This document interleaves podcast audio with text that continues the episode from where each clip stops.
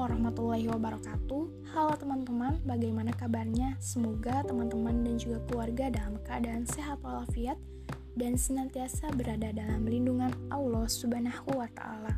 Amin.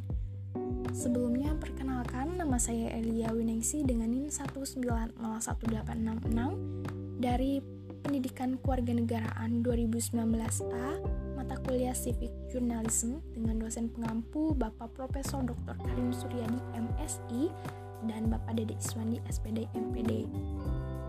Di sini kita akan membahas mengenai bab 8 yaitu tentang leads and grabs di mana ini merupakan uh, salah satu bab dari buku Reading and Reporting News a Coaching Method yaitu salah satu karya dari Calorie Rich di bab 8 ini kita awali dengan sebuah perspektif dari Don Fry bahwa Fry mengatakan, saya membayangkan cerita saat saya melaporkannya. Nah, dari kalimat tersebut kita dapat mengetahui ya teman-teman bahwa saat seseorang melaporkan sesuatu, maka saat itu pula seseorang itu sedang membayangkan cerita yang ia laporkan. Nah, e, tidak hanya itu, tetapi Fry juga berpendapat mengenai grafik fokus bahwa menurut Fry, grafik fokus adalah tentang cerita inti. Sehingga tidak aneh apabila e, Fry menulis buku bukan di awal melainkan e, menulis pada paragraf yang berisi pernyataan poin.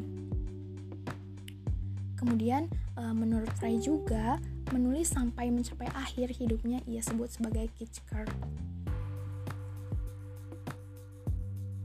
Tidak hanya perspektif dari Don Fry ya teman-teman, tapi di sini ada perspektif dari Mervyn Block bahwa menurut ia berpikir jangan menulis dulu, coba pikirkan. Nah, dari kalimat beliau tadi kita tahu bahwa uh, sebelum kita menuliskan sesuatu, maka kita harus memikirkannya secara matang agar hasil yang kita dapatkan maksimal serta kita menuangkan pada tulisan atau pada kertas ataupun uh, menuliskan cerita tersebut dengan uh, cara terbaik yaitu dengan jelas dan juga singkat.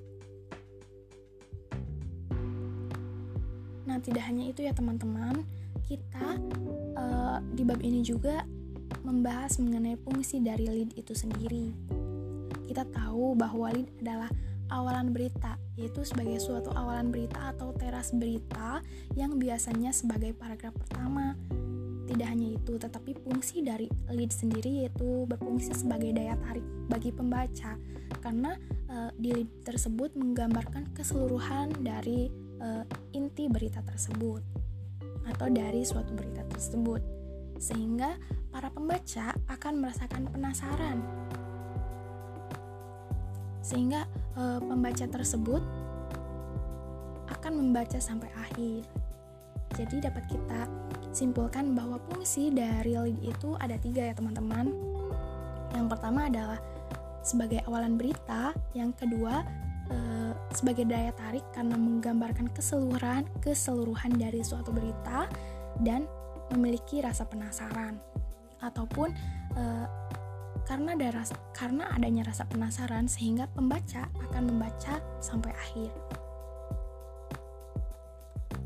Nah, setelah kita membahas tentang fungsi dari lead itu, kita langsung pada prospek ringkasan ya teman-teman bahwa e, mengetahui prospek ringkasan itu memiliki ciri-ciri yaitu satu meringkas di kalimat pertama tentang apa berita tersebut, apa yang dijelas, dijelaskan dalam berita tersebut dan apa inti yang ada di berita tersebut. Selanjutnya ada petunjuk, biasanya hanya terdiri dari satu atau dua. Jadi paling banyak dua kalimat ya teman-teman kemudian langsung ke intinya. Jadi tidak bertele-tele atau uh, langsung ke poin utamanya. Dan uh, dapat digunakan di media apa pun serta untuk versi siaran menggunakan sudut yang lebih terkini. Dalam bab ini pun adanya grafik fokus, di mana grafik, grafik fokus adalah paragraf yang menjelaskan inti cerita. Kemudian petunjuknya sengaja dibuat tidak jelas, sehingga grafik ini uh, inti grafik ini berada di paragraf ketiga. Di lead ini juga ada lead tertunda ya teman-teman bahwa lead tertunda terletak uh, beberapa paragraf atau panjangnya beberapa paragraf dan bisa memakan waktu sedikit lama untuk sampai ke poin utama karena menggunakan pendekatan mendongeng. Jadi agak bertele-tele. Di bab 8 ini juga adanya perbandingan antara suara aktif dan suara pasif bahwa uh, suara pa, suara aktif lebih menekankan kepada siapa yang melakukan tindakan tersebut. Berbeda dengan kalimat pasif bahwa kalimat pasif lebih menekankan pada orang-orang yang menerima tindakan tersebut ya teman-teman. Dilanjutkan dengan prospek yang diperbaharui di mana kita tahu bahwa di, di televisi dan di situs berita online membutuhkan kesegaran yang mana prospek sering kali diperbaharui dengan memajukan cerita ke Langkah berikutnya yaitu sebuah proses yang disebut putar maju atau memajukan prospek. Satu, uh, salah satu contohnya yaitu seperti prospek hari kedua di USA Today.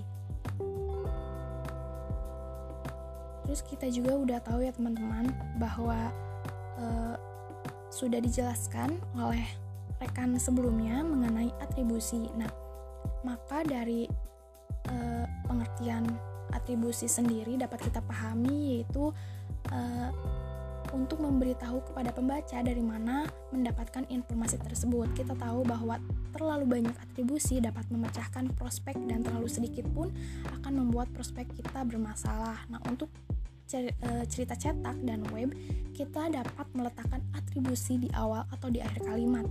Kemudian untuk siaran, atribusi harus didahulukan. Sedangkan untuk meminimalisir kekacauan atribusi karena terlalu banyak, kita dapat memberikan referensi umum ke beberapa sumber seperti kata polisi, kata pakar, dan lain sebagainya.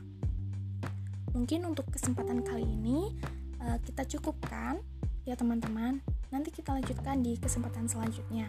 Nah, sebelum uh, penutupan, izinkan saya untuk memberikan satu pertanyaan kepada teman-teman mengenai apa ciri-ciri prospek ringkasan yang telah saya sampaikan tadi.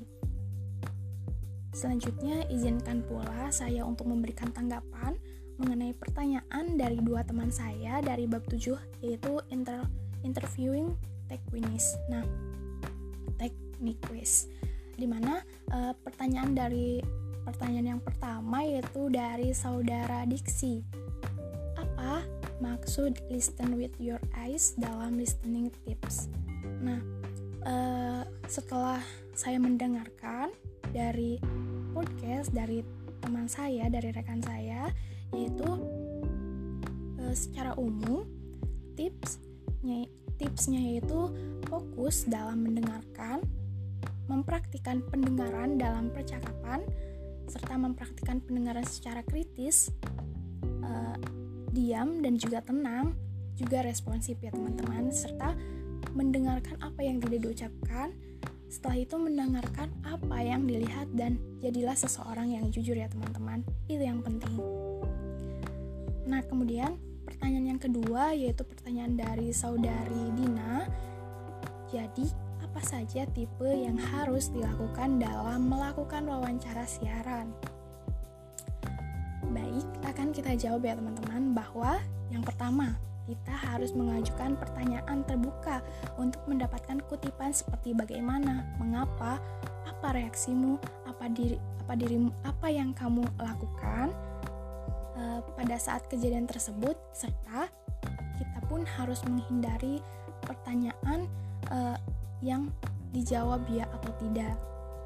Kemudian yang kedua, uh, buat pertanyaan singkat dalam kalimat sederhana serta jangan tanyakan dua pertanyaan pada satu waktu yang bersamaan ya teman-teman. Kemudian yang ketiga, jangan mengajukan pertanyaan yang mengungkapkan pendapat Anda bahwa bekerja untuk media apa pun menghindari pertanyaan yang mengarahkan seperti bukankah begitu dan sejenisnya. E, yang mana mencakup saran yang terbentuk sebelumnya. Kemudian yang terakhir, kita ajukan pertanyaan yang diinginkan oleh audiens, audiens kita audiens Anda sehingga terjawab seperti uh, kita sebelumnya melakukan melakukan sebuah mengumpulkan informasi yang mungkin ditanyakan oleh pembaca berita kepada Anda untuk elaborasi. Jadi kita mendengarkan, kemudian kita membuka pertanyaan secara bebas dan kita ambil yang mana pertanyaan yang paling terbanyak lalu kita tanyakan ya teman-teman agar mendapatkan jawaban untuk uh, audiens kita. Nah, mungkin uh, cukup sekian untuk kesempatan kali ini. Kita lanjutkan uh, pada kesempatan-kesempatan selanjutnya. Kurang dan lebihnya saya mohon maaf bila hitopik wal hidayah. Wassalamualaikum warahmatullahi wabarakatuh.